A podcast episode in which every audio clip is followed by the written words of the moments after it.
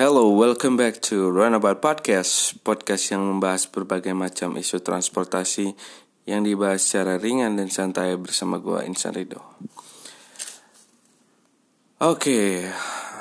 after a while Gue akhirnya bisa balik lagi di Runabout Podcast Mungkin terakhir gue bikin podcast itu sebelum bulan Ramadan Jadi sekarang gue bisa membuat lagi karena pas bulan Ramadan dan juga pas minggu-minggu Lebaran itu memang eh, gue cukup ada kesibukan lain dan juga memang lebih fokus ke uh, apa ya fokus ke ibadah dan juga fokus untuk bersilaturahmi ya. Jadi gue pengen off dulu dan vakum dulu sementara dan akhirnya gue punya waktu dan punya kesempatan untuk ngasih podcast lagi ya di kesempatan kali ini. Jadi terima kasih bagi yang sudah mendengarkan podcast ini mungkin dari awal sampai sekarang ya sempat vakum sebulan lebih dan sekarang balik lagi thank you banget dan uh, semoga masih memberikan banyak manfaat buat lo semua di sana ya. Oke, jadi di episode kali ini gue akan ngebahas mengenai salah satu isu yang uh, ramai dibicarakan di media sosial dan juga mungkin di berbagai media online lainnya yang marak di kota-kota besar terutama ya, yaitu mengenai tarif ojek online. Yap, jadi tarif ojek online ini sempat ramai dibicarakan karena adanya isu Eh, penghapusan diskon tarif ojek online yang akan dilakukan oleh Kementerian Perhubungan. Gue akan coba bahas itu. Kira-kira kenapa pemerintah melakukan hal seperti itu dan juga sebenarnya eh, apakah kebijakan ini itu tepat sasaran atau enggak gitu. Jadi gue akan bahas di episode kali ini. Jadi stay tune. Oke, jadi uh, masalah tarif ojek online ini memang bukan suatu hal yang baru ya. Artinya dari awal kemunculan ojek online pun tarif itu selalu menjadi salah satu hot topics yang memang uh, kontroversial ya karena uh, memang sulit sekali untuk menentukan uh, jalan tengahnya ya. Baik itu bagi pemerintah sebagai regulator lalu yang kedua uh, operator ya seperti Gojek, Grab, Uber pada zamannya dulu dan lain-lain. Dan juga bagi pengguna tentunya pengguna seperti kita kita ini. Jadi uh, tarif ojek online ini memang bahkan di luar sana ya seperti di Eropa atau di Amerika seperti Uber dan juga beberapa operator lainnya itu memang regulatornya itu sangat uh, apa ya sangat kompleks dan tidak mudah gitu. Kalau kita coba lihat di US uh, eh, Uber juga sering mengalami apa ya gesekan lah dengan pemerintah setempat di state-state tertentu. Dan itu bukan uh, suatu hal yang aneh karena memang tarif itu selalu menjadi hal yang uh, kontroversial gitu dan sulit untuk dicari jalan tengahnya. Begitupun di Indonesia, tarif ojek online ini memang komponennya itu sangat banyak, artinya komponen yang harus dipertimbangkan sangat banyak dan uh, uh, pertumbuhan yang secara masif ini di Indonesia selama beberapa tahun ke belakang ini membuat memang uh, regulator atau pemerintah ini harus berpikir secara cepat tapi taktis juga gitu. Itu yang membuat jadi sulit gitu. Dan isu beberapa waktu yang lalu mengenai penghapusan diskon dari tarif ojek online ini menimbulkan banyak uh, kontroversi ya terutama mungkin dari sisi pengguna karena tentunya penghapusan diskon tarif ojek online ini bakal berpengaruh pada harga yang akan uh, dibayar oleh para pengguna ya seperti kita kita ini. Dan uh, tentunya banyak yang merasa kecewa ya karena tentunya nggak akan semurah uh, saat sebelum diskon tarif ojek online ini dihapus gitu tapi sebelum ke penggunanya gue pengen mencoba melihat dari sisi pemerintah ya kenapa sih mereka melakukan rencana pembatasan diskon tarif ojek online ini gitu. Yang bisa gue lihat adalah pemerintah mencoba untuk uh, menghindarkan kita dan juga pasar ya pasar ojek online ini dari predatory pricing atau uh, upaya untuk mengatur tarif serendah mungkin untuk menyingkirkan kompetisi.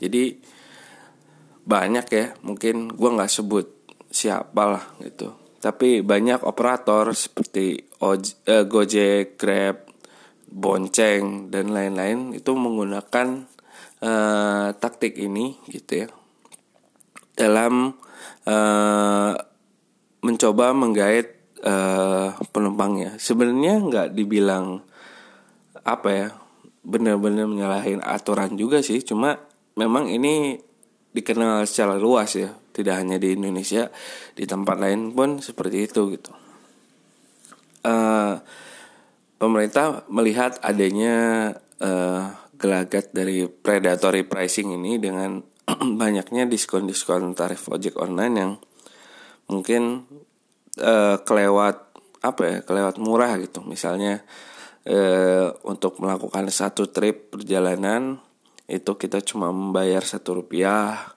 atau misalnya diskonnya sangat eh, luar biasa. Misalnya sampai-sampai eh, untuk satu untuk 4 kilo pertama itu hanya membayar misalnya seribu rupiah gitu. Dan eh, itu tuh membuat uh, kompetisi dengan transportasi lain, let's say misalnya transportasi umum uh, seperti bis kota atau kalau di Jakarta Transjakarta atau kereta itu uh, sedikit sulit bersaing dengan mereka. Walaupun memang tidak bisa dibilang apple to apple dengan ojek online yang emang di main base transport ya gitu. Dan di sisi lain juga uh, dari sisi uh, operator ya bukan operatornya sih tapi uh, lebih dari sisi drivernya orang yang membantu menyediakan jasanya.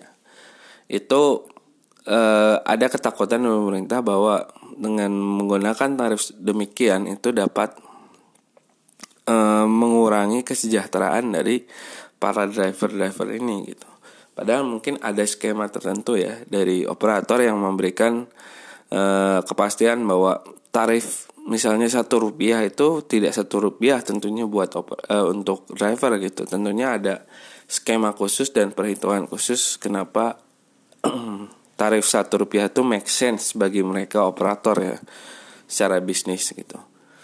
Tapi ya tentunya uh, keinginan pemerintah ini bukan tanpa dasar ya karena memang ya pemerintah sedikit mencium adanya predatory pricing ini di operator. Tapi tentunya harus dilihat lagi ya impactnya gitu. Tidak hanya dari segi persaingan bisnis di pasar ini tapi juga dari sisi uh, keberlanjutan dari uh, ojek online ini. Apakah sustainable jika uh, dilakukan predatory pricing ini gitu. Bagaimana dengan transportasi lain dan juga banyak impact lainnya gitu. Itu yang harus dipikirkan gitu. Dan itu sedikit base mengenai uh, isu pembatasan diskon tarif ojek online ini dan gue di segmen selanjutnya akan membahas mengenai sebenarnya bagaimana sih ya, dampaknya gitu dari pembatasan diskon tarif ojek online ini dan gimana harusnya kita bersikap gitu. Oke, jadi gue akan bahas di segmen selanjutnya, jadi stay tune. Alright, jadi tadi gue udah ngebahas mengenai uh, sebenarnya basic idea kenapa pemerintah melakukan pembatasan, melakukan rencana ya diskon uh, pembatasan diskon tarif ojek online ini gitu. Walaupun memang ada wacana bahwa uh, Kementerian Perhubungan ini akan membatalkan ya mengenai rencana pembatasan diskon tarif online ini. Cuma gue pengen coba track back uh, di segmen yang tadi itu track back mengapa sih uh, Kementerian Perhubungan itu melakukan rencana itu gitu. Dan sekarang gue akan mencoba melihat bahwa uh, apa yang harusnya kita lihat gitu. Mungkin dari sisi pengguna ya mengenai pembatasan tarif ojek online ini gitu. Kalau uh, dari sisi pemerintah, memang mereka sudah melakukan uh, beberapa mengeluarkan ya beberapa regulasi yaitu PM12 tahun 2019 yang mengatur mengenai perlindungan keselamatan sepeda motor ya, terutama yang memang berkaitan dengan ojek online ini dan juga di KP 348 tahun 2019 yang dibahas mengenai pedoman perhitungan biaya jasa uh, sepeda motor ya, jasa sepeda motor seperti ojek online itu gitu. Dan yang gue bisa lihat di di regulasi ini dua regulasi ini memang tercantum di sana ada biaya jasa yang jelas dengan komponen perhitungannya seperti misalnya biaya biaya minimal dan juga ada tarif batas atas tarif batas bawah dan juga middle. Jadi gue di sana melihat sebenarnya pemerintah sudah ada regulasi yang jelas. Namun memang di lapangannya tidak semudah itu gitu ya. Dan uh, tentunya uh, di lapangan kita bisa harusnya bisa melihat bahwa banyak komponen yang terjadi di dalamnya gitu tidak hanya dari sisi komponen yang sudah dijelaskan misalnya dari biaya jasa kita harus bisa breakdown biaya, berapa biaya uh, yang harusnya dibayarkan kepada driver gitu lalu juga dari biaya servis kendaraannya biaya uh, uh, dari sistem uh, softwarenya itu berapa dan lain-lain gitu. Tapi dari sisi pengguna apakah hmm, masih masuk akal gitu dengan misalnya biaya yang eh, tanpa tarif diskon ini gitu. Dan kalau gue secara pribadi melihatnya ya eh, tarif ojek online ini memang memang harus diregulasi. Artinya untuk mencegah predatory pricing yang tadi gue sebutin di segmen sebelumnya dan juga mengenai bagaimana uh, transportasi itu bisa saling berkomplement. Maksud gue di sini adalah artinya gue berharap banget sih artinya orang-orang uh, di luar sana yang menggunakan ojek online ini tidak tidak secara masif menggunakan ojek online dan melupakan transportasi umum yang ada gitu. E, karena transportasi umum yang ada ini juga membantu kita sebenarnya dan didesain untuk bisa apa ya membantu halayak umum gitu. Dan sayang banget investasi yang udah digelontorkan pemerintah ini uh, tidak dimanfaatkan dengan baik oleh kita. Walaupun memang banyak kekurangan ya dari segi sistemnya dan juga dari segi mungkin pelayanannya, tapi gua rasa ojek online itu harusnya bisa menjadi komplement gitu terhadap uh, transportasi umum gitu. Dan memang uh, dari uh, berkaca dari beberapa waktu yang lalu mengenai adanya penyesuaian tarif ojek online ini itu memang hmm, dampaknya cukup bagus ke driver ya. Artinya mereka punya penghasilan lebih banyak tapi mungkin dari segi uh, jumlah penumpang mengalami penurunan walaupun nggak signifikan. Jadi nggak uh, bisa kita melihat dari satu sisi doang dari pengguna doang tapi lihat juga dari sisi operator dan juga sisi driver yang setiap hari mengantarkan kita menuju tempat yang kita pengenkan gitu. Jadi mungkin itu dulu dari gua. Semoga uh, podcast kali ini bisa ngasih manfaat. Terima kasih sudah meluangkan waktunya untuk mendengarkan podcast ini. Semoga ada uh, manfaat yang didapatkan. Jadi thank you sekali lagi dan selamat menunaikan hari Senin Anda dengan baik. Oke, okay, see you next time.